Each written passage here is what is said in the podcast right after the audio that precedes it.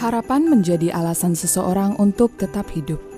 Harapan membuat seseorang tetap berjuang walau tiada untung bisa diraup.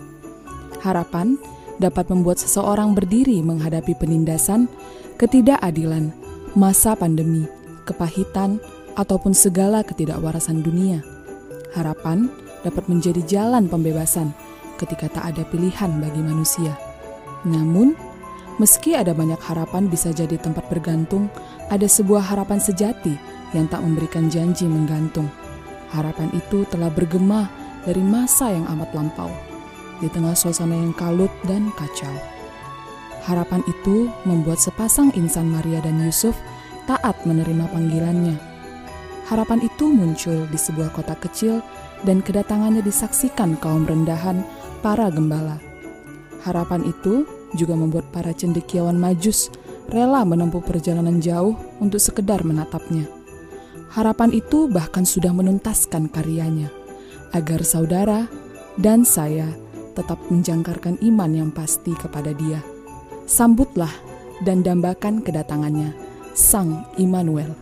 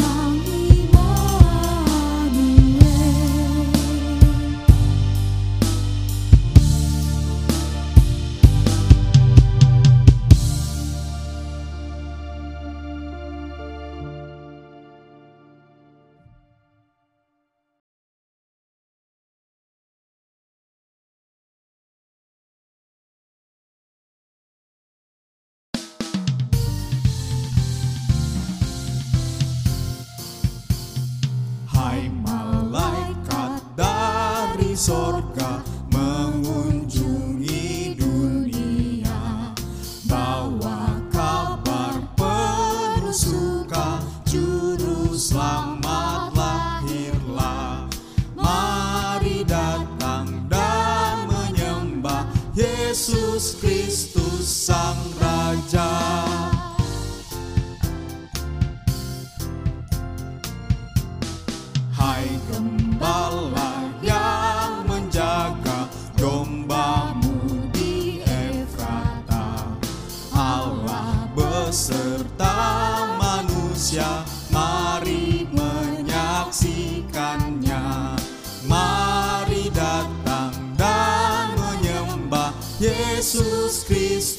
Sang Raja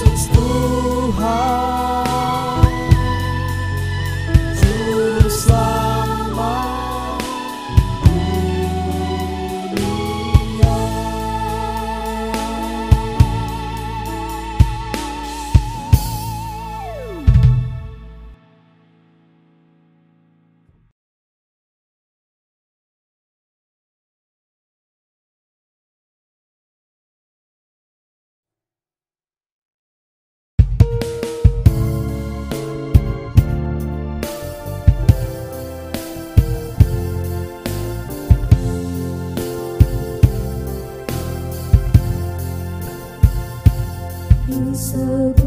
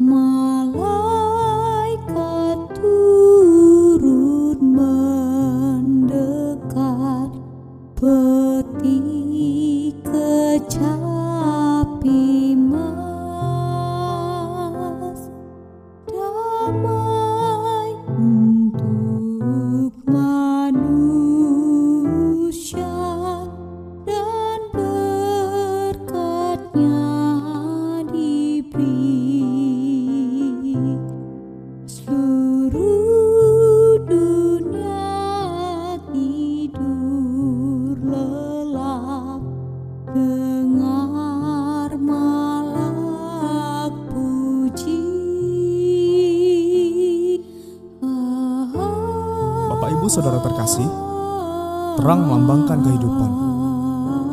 Dia sanggup membebaskan kita dari pekatnya kegelapan. Ia bahkan sanggup menelanjangi yang tersembunyi di dalam hati. Kala dunia dan seluruh ciptaan menuju kepada maut yang kekal, Allah tidak diam. Bahkan, dia mewujudkan rencana kasihnya agar kita tidak binasa. Sebagaimana sukacita Simeon kala menggendong bayi mungil itu. Ia berbahagia karena matanya telah melihat keselamatan yang disediakan Allah bagi segala bangsa, yaitu terang yang nyata hadir dan menjadi kemuliaan bagi umatnya. Ia memancarkan sinarnya, memberikan harapan sejati di kala perjalanan panjang, memberikan ketenangan, rasa aman, dan kedamaian.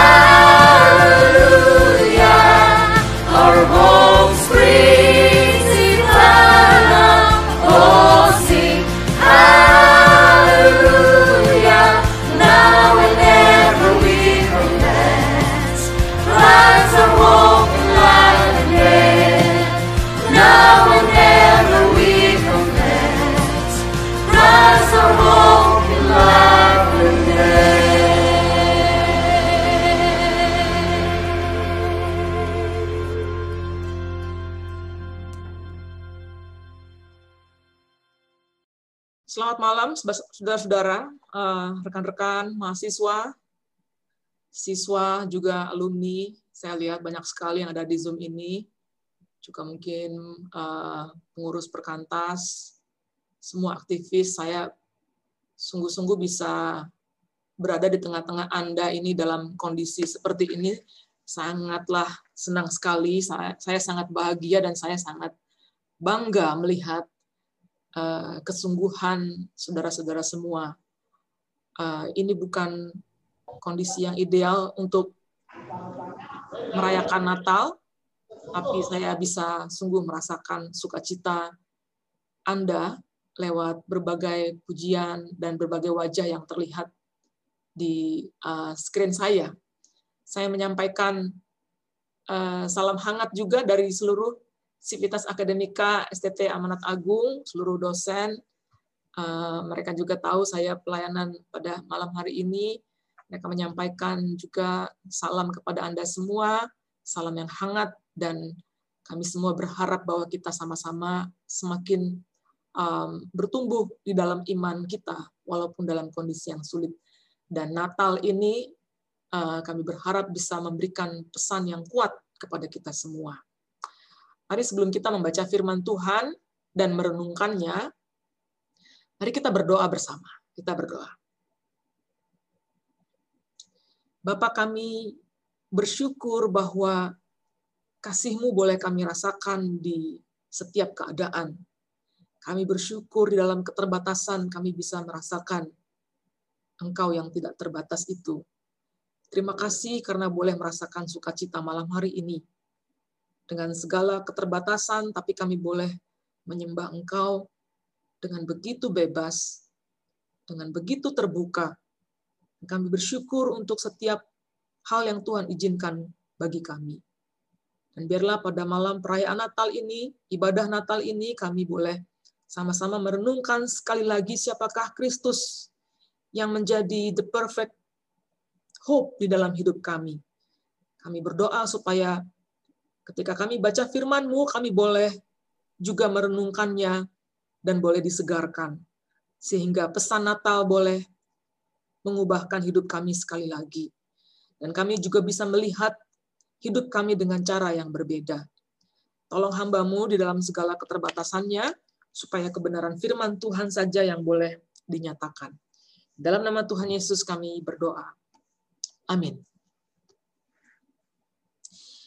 Saudara-saudara, bagian firman Tuhan yang akan kita renungkan pada malam hari ini diambil dari Yesaya pasal 9. Eh, kita akan baca ayat 1 sampai 6. Tadi beberapa bagian sudah dikutip di dalam liturgi, dan ini juga membuat mendorong saya untuk eh, memilih ayat ini. Eh, Yesaya pasal 9 ayat 1 sampai 6. Saya akan bacakan buat saudara-saudara sekalian ya.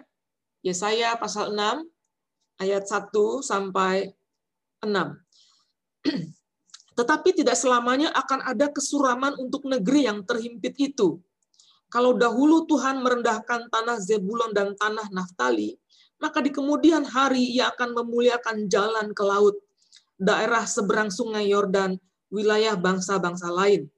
Bangsa yang berjalan dalam kegelapan telah melihat terang yang besar. Mereka yang diam di negeri kekelaman, atasnya terang telah bersinar. Engkau telah menimbulkan banyak sorak-sorak dan sukacita yang besar. Mereka telah bersukacita di hadapanmu seperti sukacita di waktu panen, seperti orang bersorak-sorak di waktu membagi-bagi jarahan. Sebab kuk yang menekannya dan gandar yang di atas bahunya, serta tongkat si penindas telah kau patahkan seperti pada hari kekalahan Midian. Sebab setiap sepatu tentara yang berderap-derap dan setiap jubah yang berlumuran darah akan menjadi umpan api. Sebab seorang anak telah lahir untuk kita, seorang putra telah diberikan untuk kita. Lambang pemerintahan ada di atas bahunya, dan namanya disebutkan orang penasihat ajaib, Allah yang perkasa, Bapa yang kekal, Raja damai. Sedemikian jauh bacaan firman Tuhan, yang berbahagia ialah mereka yang mendengarkan firman Tuhan dan memeliharanya dalam kehidupannya hari lepas hari. Saudara, tema kita bagus sekali, Christ is our hope. Ya, Hope atau harapan itu adalah kata yang sangat besar sekali. Kata yang sangat penting dalam hidup kita. Kita membutuhkan harapan dalam berbagai hal dan dalam berbagai bentuk. Ketika kita memiliki harapan, maka kita punya semangat. Kita mengantisipasi sesuatu. Kalau kita punya harapan, kita looking forward. Kita ingin menantikan sesuatu. Bila Anda tidak punya harapan, maka Anda juga tidak punya tujuan. Anda tidak punya harapan, maka Anda tidak akan menantikan apa pun juga. Bila Anda tidak punya harapan, maka Anda seperti tidak menginginkan apa-apa. Anda seperti berada dalam suatu ruangan yang dan kemudian Anda tidak ingin keluar. Ketika Anda tidak punya harapan, maka Anda akan berpikir, akan berpikir untuk apa saya hidup gitu. Banyak orang di dunia ini dalam keadaan seperti sekarang ini ya nggak punya harapan. Mereka nggak punya harapan dengan pekerjaan mereka, mereka nggak punya harapan dengan keluarga atau nggak punya harapan dengan orang tua mereka. Mereka nggak punya harapan dengan pernikahan mereka bahkan. Mereka nggak punya harapan dengan kesehatan mereka. Mereka nggak punya harapan dengan masa depan. Nggak punya harapan dengan gereja mereka bahkan. Bahkan mereka mungkin juga nggak punya harapan dengan hidup mereka sendiri. Mereka tidak punya harapan pada kehidupan setelah kematian. Mereka tidak punya harapan akan kekekalan. Mereka ada di tengah dunia, hidup dalam keseharian mereka, tapi tidak tahu mau apa, tidak tahu mau ke mana, tidak punya sense of confidence, tidak punya rasa percaya pada apa pun juga. Hidup seperti dalam kegelapan. Seperti inilah kondisi di mana Yesaya berbicara di bagian yang baru saja kita baca tadi, saudara. Jadi Yesaya sedang mengalami suatu tekanan yang sangat besar sekali di tengah-tengah bangsa yang dipimpinnya. Di pasal 7 dikatakan rajanya saja, ya di pasal 7 kalau kita baca, Raja Ahas itu sudah sangat ketakutan karena dia menghadapi bangsa-bangsa yang berkoalisi untuk menyerang mereka. Pasal 7 ayat 2 dikatakan hati Ahas dan hati rakyatnya gemetar ketakutan seperti pohon-pohon hutan bergoyang di tiup angin. Ya, ini seperti gelombang yang besar yang datang dengan pasti akan menimpa bangsa ini. Tapi mereka bukannya berbalik dan mencari pertolongan Tuhan, saudara. Mereka malah tetap hidup dalam kegelapan. Mereka tidak mau lagi menerima kebenaran. Bahkan di pasal 8 ayat 16, kalau kita membaca juga, di sana dikatakan Yesaya harus menyimpan kesaksiannya dan hanya bisa bicara pada lingkaran murid-murid. Orang nggak mau mendengar firman lagi. Ya, di pasal 8 ayat 19 juga dikatakan mereka terlibat dengan hukum dengan hubungan-hubungan Eh, dengan kuasa gelap. Ya, mereka minta petunjuk dan nasihat kepada arwah-arwah. Jadi mereka berkonsultasi kepada arwah-arwah orang mati. Nah ini semua, saudara, adalah satu tindakan yang bebas, suatu tindakan yang mereka pilih sendiri. Ini adalah pilihan mereka. Ya, ini mereka terang-terangan melawan Allah. Sudah terpuruk, makin melawan Allah pula. Mereka tidak punya harapan. Karena memang apa yang mereka lakukan, saudara, jadi banyak orang di dalam dunia ini ya, mungkin kita juga tidak punya harapan bukan karena suatu kondisi yang dibuat oleh orang lain gitu. Kita menjadi tidak berpengharapan karena pilihan yang kita buat. Karena apa yang kita lakukan. Kita sering sekali begitu. Sengaja memilih untuk berbuat dosa. Sengaja memilih untuk menjauh dari Tuhan. Sengaja memilih untuk tidak melakukan apa yang berkenan kepada Tuhan. Tahu persis sebenarnya makna mana yang benar, mana yang salah, tapi kita tetap jalan menjauh dari Tuhan. Kita pilih kesenangan kita, kita pilih hawa nafsu kita. Tapi sebenarnya hari demi hari kita semakin jauh dari Tuhan. Kita nggak bisa lagi merasakan Dia. Lalu kita semakin merosot dalam kualitas hidup kita. Kita semakin merosot moral, karakter, nilai.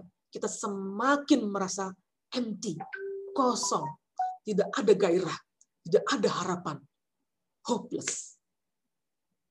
Nah, saudara Yesaya memandang sekelilingnya itu hopeless. Tidak ada harapan. Dia hanya melihat kegelapan. Dia lihat keraja, kegelapan. Lihat penguasa yang lain, pemimpin-pemimpin yang lain, kegelapan. Di sekelilingnya semua adalah kegelapan yang berkuasa menindas yang lemah. Para nabi palsu menyesatkan umat Allah kemudian malah menyembah berhala. Waktu saya belajar S1 sastra Inggris, saya eh, pernah membaca satu mempelajari satu eh, puisi yang ditulis oleh Samuel Taylor Coleridge ya, yang berjudul The Rime of the Ancient Mariner. Ya, itu suatu puisi yang panjang sekali tentang eh, petualangan seorang pelaut. Ada satu bagian di mana kapalnya itu terapung-apung di tengah lautan dan tidak tahu mau ke mana. Lalu di bagian itu dituliskan satu kalimat yang sangat terkenal kalau dalam dunia sastra. Water, water everywhere, no, nor any drop to drink, katanya begitu. Kata Samuel Coleridge. Air, air, bahasa Indonesia-nya ya, air, air di mana-mana, tapi tak setetes pun untuk diminum, kira-kira gitu. Nah ini menggambarkan ketika kapal yang dikisahkan dalam puisi itu terapung-apung di tengah lautan, nggak tahu mau ke mana. Nah sejauh mata memandang yang dilihat hanyalah air laut tapi di tapi dia jadi dia dikelilingi air laut. Sejauh mata memandang dia hanya melihat birunya air laut. Apa yang ada di sekelilingnya itu tidak membawa manfaat apa-apa untuknya. Kira-kira begitu. Jadi mungkin seperti orang yang dikelilingi begitu banyak materi, dikelilingi begitu banyak harta, tapi materi dan harta itu tidak bisa membahagiakan dia, tidak bisa bermanfaat buat dia. Dikelilingi oleh banyak ilmu pengetahuan, dikelilingi oleh banyak konsep dan teori, tapi pengetahuan itu tidak membuahkan kebaikan di dalam dirinya. Atau mungkin seperti orang yang punya begitu banyak kemampuan, punya banyak keterampilan, tapi kebisaan itu tidak membawa dia menjadi orang lebih baik. Nah, seperti itu juga lah dalam puisi ini dikatakan dikelilingi air laut. Tapi air laut itu tidak bisa melepaskan dahaga dia. Nah, saudara, saya mengingat ini dan kemudian mengingat apa yang dilihat oleh Yesaya. Yesaya sejauh matanya melihat ya, baik secara fisik maupun secara rohani adalah kegelapan. Kegelapan. Bahkan di hati Yesaya sendiri, sebenarnya dia juga sense, dia bisa melihat kegelapan itu. Itu terlihat di pasal 6 yang juga mungkin saudara-saudara sering baca ya. Di pasal 6 ayat 5 dikatakan, celaka aku, aku binasa. Sebab aku ini seorang yang najis bibir, dan aku tinggal di tengah-tengah bangsa yang najis bibir. Namun mataku telah melihat sang raja, yakni Tuhan semesta alam. Jadi dia sadar dirinya pun adalah orang berdosa. Dia pun menyadari ada kegelapan di dalam hatinya. Nah, saudara, gelapnya hati manusia inilah yang mendorong kita sering melakukan berbagai macam perbuatan dosa. Bukan pemahaman akan Allah yang menggerakkan kita, tapi justru kegelapan hati kita itulah yang mendorong kita menjauhkan diri kita dari Tuhan. Gelapnya hati kita ini yang membuat kita melakukan berbagai dosa. Dosa yang sama. Yang itu-itu juga. Yang kita tahu itu salah, kita tahu itu dosa. Tapi kita lakukan juga dengan bebas. Dengan sadar. Kita pilih itu. Di dalam kegelapan itu, kita kemudian merasa, ah sudah kadung basah. Saya sudah terlanjur berdosa. Lalu kita berpikir mungkin saya tidak mungkin dipulihkan. Lalu dalam kegelapan seperti itu, hidup kita seakan tidak ada harapan.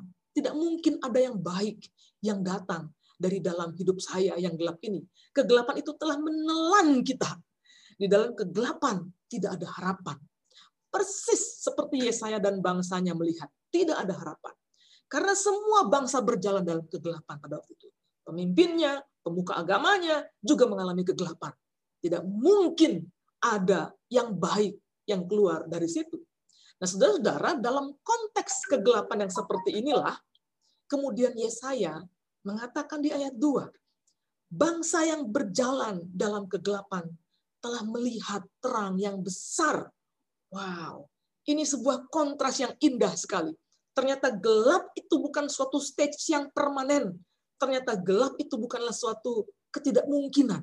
Gelap itu bukan suatu impossibility. Ternyata gelap itu, walaupun memang besar dan menelan hidup orang, ternyata Allah sanggup memunculkan terangnya. Allah tidak membiarkan umatnya terus-menerus hidup dalam kegelapan. Dia memunculkan terangnya. Saudara, ini ajaib. Dari sesuatu yang tidak mungkin, Allah bisa memunculkan kemungkinan. Ya, Bangsa yang berjalan dalam kegelapan ini tiba-tiba melihat terang yang besar. Di dalam kegelapan ini Yesaya kemudian mengumumkan suatu janji Allah akan bangkitnya seorang penguasa. Yesaya memberitakan akan kelahiran seorang bayi. bukan bayi biasa, tapi bayi yang adalah raja, yang memerintah dan menyatakan kuasanya di tengah dunia. Jadi detail tentang bayi ini menunjuk kepada Kristus. Saudara perhatikan ayat 1 ya. Kalau dalam bahasa Inggris ayat 1 ini diletakkan di pasal sebelumnya. Ini ayat yang menarik. Satu ayat sebelum masuk ke pasal 9 ya. Dikatakan gini, tetapi tidak selamanya akan ada kesuraman untuk negeri yang terimpit itu. Kalau dahulu Tuhan merendahkan tanah Zebulon dan tanah Naftali, maka di kemudian hari ia akan memuliakan jalan ke laut, daerah seberang sungai Yordan, wilayah bangsa-bangsa lain.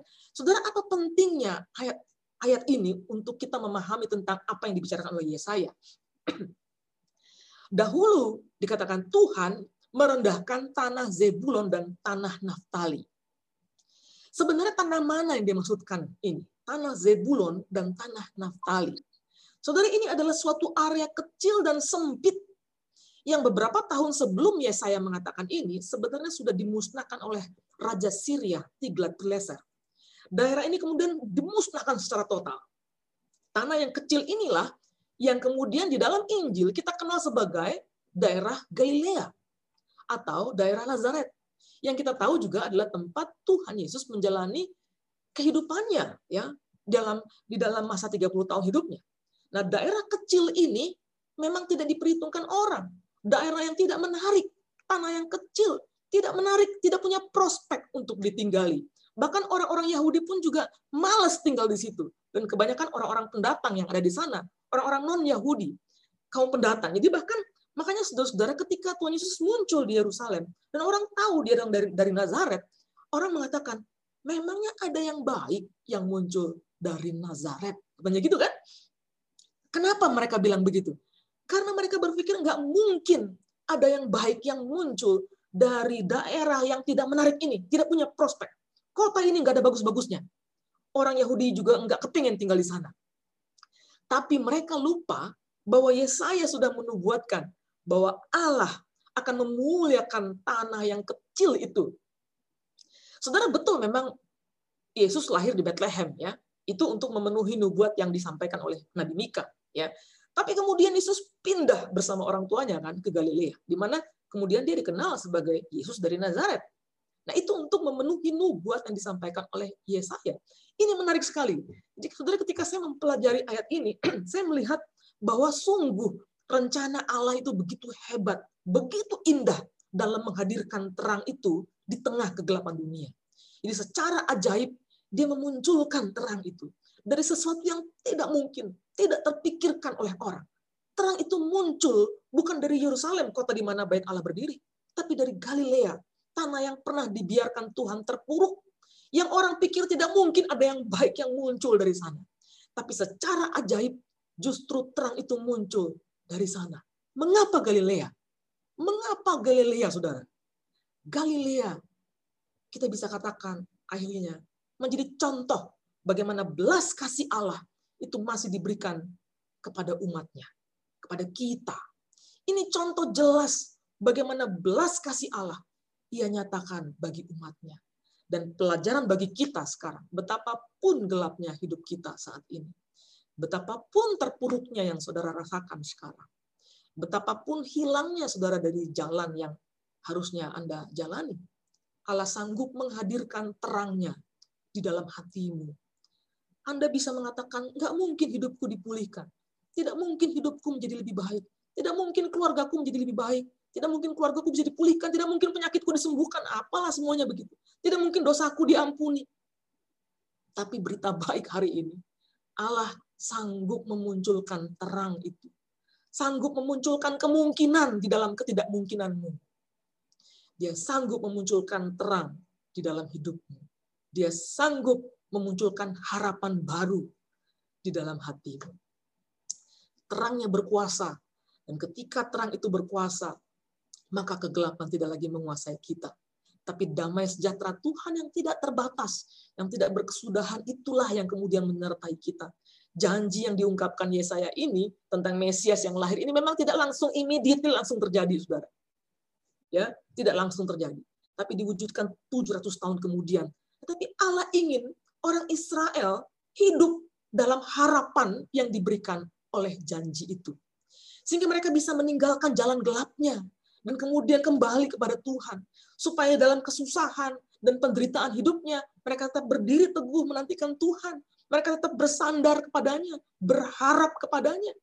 Karena yang mereka nantikan ini adalah Mesias yang sanggup membebaskan mereka dan memulihkan hidup mereka. Yesaya mengingatkan kepada pembacanya apa yang sanggup dilakukan oleh Mesias itu. Dia mengingatkan kita juga apa yang bisa dilakukan oleh Mesias itu melalui nama-nama yang disebut orang kepada bayi itu, saudara. Nama yang bukan biasa, nama yang hanya diberikan kepada Kristus. Ada nama-nama yang indah sekali, dikatakan penasihat ajaib, Allah yang perkasa, Bapa yang kekal, dan Raja damai. Saudaraku, masing-masing nama ini memperlihatkan apa yang sanggup dilakukan oleh penguasa ini, oleh Mesias ini. Bayi ini disebut penasihat ajaib. Berarti dia akan menjadi sumber hikmat. Dia menasihati, dia menuntun, dia membimbing, menghibur, bahkan menolong kita. Menemukan jalan ketika kita melenceng darinya. Dia adalah the wonderful counselor. Dia adalah Allah yang turun mengosongkan dirinya menjadi manusia dan merasakan semua pergumulan dan penderitaan kita. Itu sebabnya dia sanggup menemani kita dan merasakan kedukaan kita, saudara. Dia disebut Allah yang perkasa. Dia Allah yang perkasa bukan hanya mengkonsel kita, saudara, tapi dia membimbing dan menyatakan kepada kita apa yang harusnya kita lakukan. Dia juga memampukan kita. Dia energizing kita. Dia empowering kita. Dia memberikan kita energi untuk melakukan apa yang dia ingin kita lakukan. Jadi kuasanya itu sanggup mengangkat kita yang jatuh. Menopang kita yang lemah. Karena dia adalah Allah yang perkasa. The mighty God. Ya saya mengingatkan umat Tuhan bahwa Mesias ini memiliki kuasa yang melebihi segala kuasa apa pun. Dia juga disebut sebagai Bapa yang kekal. Yesaya mengingatkan bahwa Mesias ini adalah Bapa yang kekal. Karena Mesias yang akan lahir ini telah ada bersama-sama dengan Bapa di dalam penciptaan. Dia ada bersama-sama Bapa dan dialah Bapa yang kekal itu. Itu sebabnya juga Yohanes mengatakan juga dikatakan pada mulanya, gitu kan? Pada mulanya adalah firman. Firman itu bersama-sama dengan Allah dan firman itu adalah Allah kalau dia adalah sumber kekekalan, itu berarti hanya kepada Kristus saja kita meletakkan kepercayaan kita. Nama yang keempat yang diberikan kepadanya adalah the Prince of Peace, Raja Damai. Mesias yang lahir ini adalah dia yang membawa damai dan dia ingin kita juga mengalami damai itu. Damai dengan Allah, damai dengan diri kita sendiri, damai dengan sesama kita. Di dalam Kristuslah kita kemudian kembali ke dalam relasi kita yang sejati dengan Allah. Saudara hari ini, bila saudara merasakan seperti berada dalam kegelapan, saudara memiliki pergumulan yang berat, membuat langkah Anda begitu berat, saudara merasakan hari-hari yang sangat gelap dan Anda merasa hopeless, merasa helpless, Anda tidak bisa melihat harapan. Ketahuilah berita kelahiran Mesias yang disampaikan Yesaya adalah berita yang ditujukan juga kepada kita saat ini. Janji Tuhan akan Mesias itu sudah digenapi. Sehingga kita, engkau dan saya punya harapan. Selalu ada harapan. Saudara bayangkan lebih dari 10 bulan kita hidup dalam ketidakpastian. Hidup kita ini benar-benar dijungkir balikkan gara-gara pandemi ini, bukan? Rencana kita banyak yang gagal total, ya, banyak yang batal. Rohani kita banyak yang terguncang karena kondisi ini. Tapi berita Yesaya sampai kepada kita, pesan Natal kepada kita sungguh indah. Kristus adalah harapan yang sempurna. Dia adalah penasihat yang ajaib, Allah yang perkasa, Bapa yang kekal, Raja damai. Dia sanggup memulihkan hidup kita. Dia berkuasa atas kita. Dia sumber kekekalan. Dan hanya di dalam dia kita dapat mengenal Allah. Saudara, maukah hati kita terus terpaut kepada harapan itu? Being anchored kepada harapan itu. Orang yang memegang teguh harapan dalam Kristus akan selalu punya gairah untuk memberikan yang terbaik bagi Tuhan, melayani Tuhan dengan sungguh-sungguh, selalu berjalan dalam kebenarannya. Saudara, harapan itu bukannya semerta, sem, apa, se, se, semata-mata kemudian mengubah kondisi kita, lalu memberikan vaksin sehingga COVID ini berlalu. Bukan itu. Tapi harapan itu memberikan kemampuan kepada kita untuk tetap berdiri teguh dalam iman percaya kita, walaupun kondisi ini tidak kunjung berubah. Walaupun kesulitan ini tetap ada, tapi biarlah semua kita, hati kita, terus terpaut hanya kepada Dia, harapan yang sempurna itu. Mari kita berdoa.